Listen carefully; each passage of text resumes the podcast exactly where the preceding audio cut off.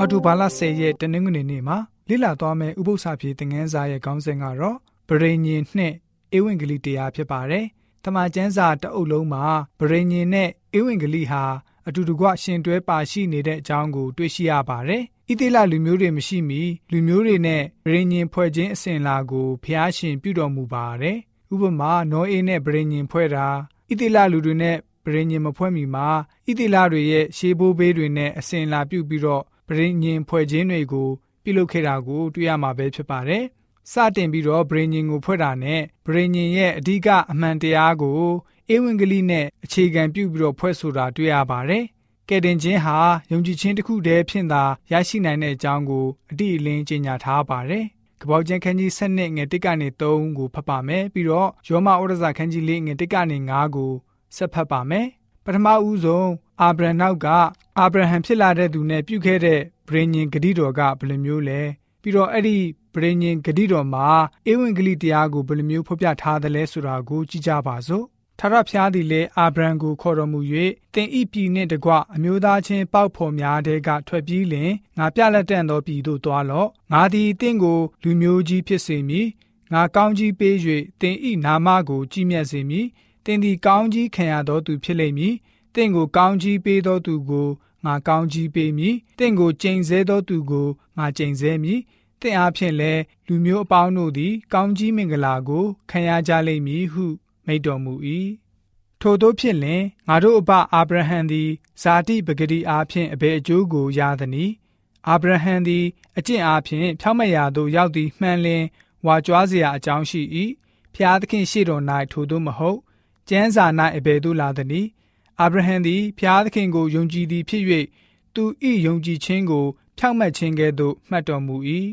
အကျင့်ရှိသောသူမည်သည်ကကျေးဇူးတော်အားဖြင့်အကျိုးကိုခံရသည်မဟုတ်ခံထိုက်သောအားဖြင့်ခံရ၏အကျင့်မရှိသောသူမည်သည်က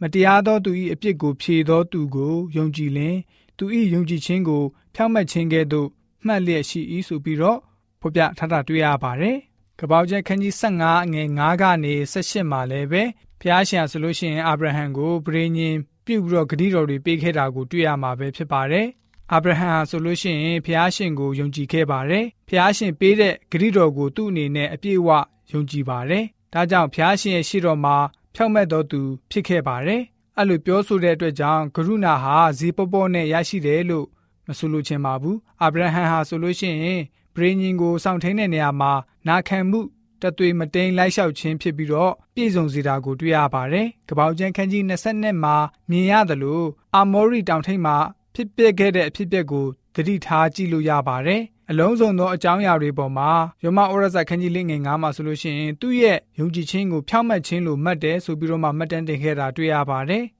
နောက်ပိုင်းရာစုနှစ်များစွာကြာညောင်းပြီးတဲ့နောက်ရှင်ပေါလုဟာဆိုရင်အာဗြဟံရဲ့အကြောင်းကိုအကြောင်းပြုပြီးတော့ဗြိဉ္ဉ်ဂတိကိုယုံကြည်ခြင်းဖြင့်အသက်ရှင်နေထိုင်တဲ့မိမိရဲ့လူမျိုးတွေအတွက်ဖျားရှင်ဥပမာပုံကိုအဖြစ်ပြုခဲ့တဲ့အကြောင်းကိုဖော်ပြပေးခဲ့ပါတယ်။အဲ့ဒီအရေးကြီးတဲ့အချက်ဟာတမန်ကျမ်းစာတအုပ်လုံးမှာပဲ့တင်ထက်အချင်းချင်းထက်ခါထက်ကဖော်ပြခဲ့ပါတယ်။အဲ့ဒီအကြောင်းကိုပဲရှင်ပေါလုဟာဆိုလို့ရှိရင်ဂလာတိဩရစာခန်းကြီး3ငွေ6မှာနောက်ထပ်တစ်ကြိမ် ပြန်ညှိုးဆိုထားပြန်ပါတယ်။အမှန်ကတော့သူ့ရဲ့ရေးသားချက်ဟာကပောက်ကျန်အခန်းကြီး15ငွေ6ကိုပဲပြန်ပြီးတော့ရေးသားထားခြင်းပဲဖြစ်ပါတယ်။အာဗြဟံရဲ့ယုံကြည်ခြင်းကိုသူ့ရဲ့ဖြောင့်မတ်ခြင်းအဖြစ်ဖျားရှင်သတ်မှတ်တော်မူတဲ့အကြောင်းဖြစ်ပါတယ်။မိမိအားဖြင့်ဆင်းသက်လာမဲ့အမျိုးအနွယ်အပေါင်းကိုကောင်းကြီးပေးမဲ့အကြောင်းဗြိဉ္ဉ်ဂတိဟာတည်မြဲခဲ့ပါတယ်။အဲ့ဒီဂတိတော်ဗြိဉ္ဉ်ကိုလူသားတွေအားလုံးအတွက်ဖျားရှင်ပြုတော်မူပါတယ်။ ဂျူးလူမျိုးဖြစ်စေတပားအမျိုးသားဖြစ်စေယုံကြည်သူတိုင်းဖြစ်စေပြည့်ညတ်တော်ကိုဆောင်ထင်းခြင်းကြောင့်မဟုတ်ဘဲနဲ့ယုံကြည်ခြင်းအဖြစ်သာဖြောင့်မတ်ခြင်းရတဲ့အကြောင်းဘလောက်ပဲဆောင်ထင်းနေစေကမူတင်းရဲ့ဆောင်ထင်းခြင်းဟာဗြိဉ္ဉ်ဂတိတော်အရာပြည့်ညတ်တော်ကိုနာခံလိုက်လျှောက်ခြင်းသာဖြစ်စေရပါမယ်။ပြောဖက်ယေရမိကနေဗြိဉ္ဉ်တရားကိုပြောဆိုတဲ့နေရာမှာပြည့်ညတ်တော်အကြောင်းကိုရှေ့တန်းတင်ခဲ့ပါတယ်။ယေရမိနာဂတိကျမ်းခန်းကြီး31ငွေ33မှာနောင်ကာလအခါ ဣတိလအမျိုးသားတို့၌ငါပေးသောဗြိဉ္ဉ်တရားဟုမူကားငါထာဝရဘုရားသည်ငါ၏ပြည့်ညတ်တရားကိုသူတို့အတွင်းထဲသို့သွင်းမည်သူတို့နှလုံးပေါ်မှာရေးထားမည်